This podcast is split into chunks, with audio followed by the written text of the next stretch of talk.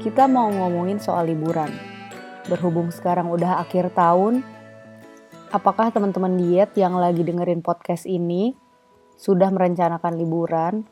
Gue sendiri sih belum merencanakan liburan sama sekali. Di hari ke-17 challenge 30 hari bersuara yang gue ikutin bareng The Podcasters Indonesia, temanya kali ini adalah liburan. Kalau gue ngomongin lagi tips gimana caranya supaya nggak makan banyak atau bisa kontrol diet selama liburan, kayaknya bakal jadi mirip sama hari sebelumnya yang ngebahas soal mudik. Oleh karena itu, di tema kali ini gue pengen ngebahas gimana gue meliburkan diri. Nah kebetulan nih, saat gue merekam podcast ini, gue sebenarnya lagi liburan diet sementara waktu. Gue lagi rehat setelah kemarin selesai ikutan 100 hari transformasi dan waktu gue cerita ke beberapa orang itu responsnya macem-macem banget. Ada yang mendukung iya nggak apa-apa liburan dulu aja rehat sebentar.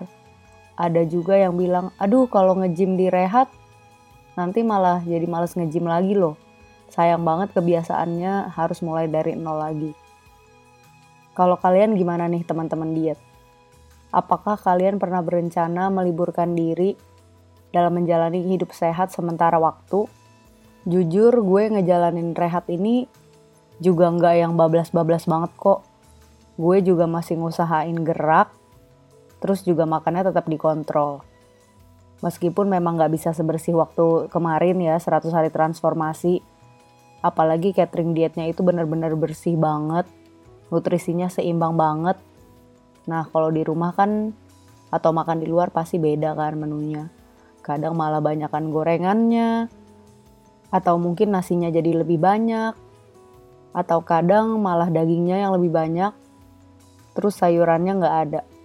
Nah buat gue sendiri sih, liburan ini gue butuhin banget, karena gue sendiri ngerasa sempat jenuh banget, dan ngerasa butuh rehat. Kayak judul lagu favorit gue yang dinyanyiin sama Kunto Aji, Rehat. Ya sesekali kita butuh banget sih rehat apalagi sejak jalanin weight loss journey di Juni 2020 itu gue bisa dibilang lumayan strict dibandingin dulu-dulu gue ngejalanin diet. Karena ini kan memang sifatnya jangka panjang. Dan gue nggak mau balik lagi diet kayak dulu diet yoyo. Makanya ini lebih challenging.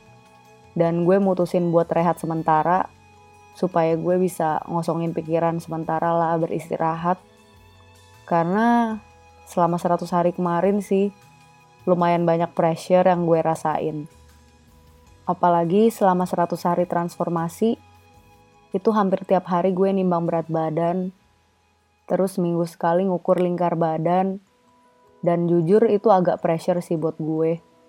Karena ada targetnya, dan ada perasaan gak enak kalau gue gak berhasil. Jadi kemarin setelah 100 hari transformasi ini selesai, gue beneran kan kayak nimbang, ngukur lingkar badan, terus juga ketemu sama teman-teman yang lain, kita ngebandingin hasilnya before and after. Jujur gue takut banget sih pas nimbang itu, karena di pikiran gue ya itu, balik ke mindset yang dulu.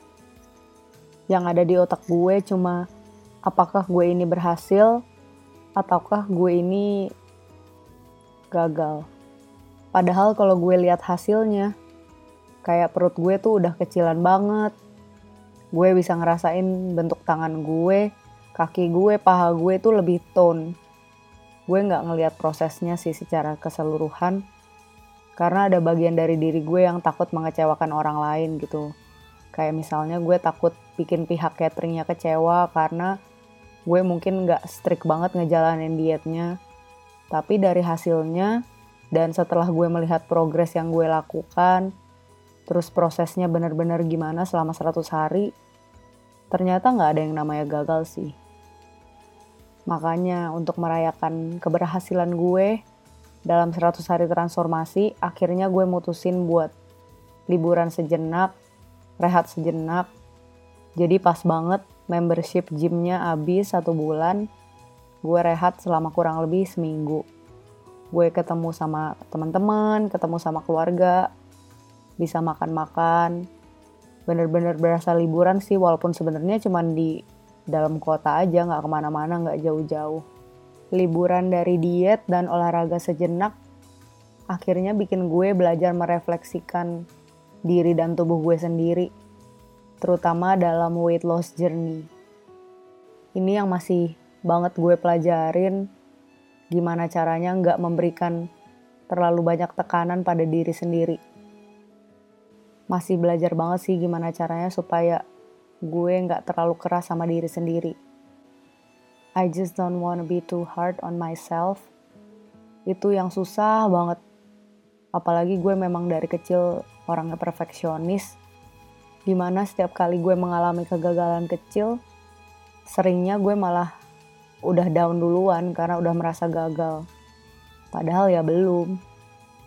Kalau kalian gimana nih teman-teman diet gue harap sih kalian juga bisa lebih lembek ya sama diri sendiri jangan terlalu keras lah sama diri sendiri ada waktu-waktunya kita juga butuh rehat, butuh istirahat. Seenggaknya itu sih yang gue maknai sekarang selama liburan sejenak. Mungkin memang liburan yang gue lakukan sekarang gak mewah. Gak keluar kota, gak naik pesawat, gak makan di restoran mewah atau nginep di hotel berbintang.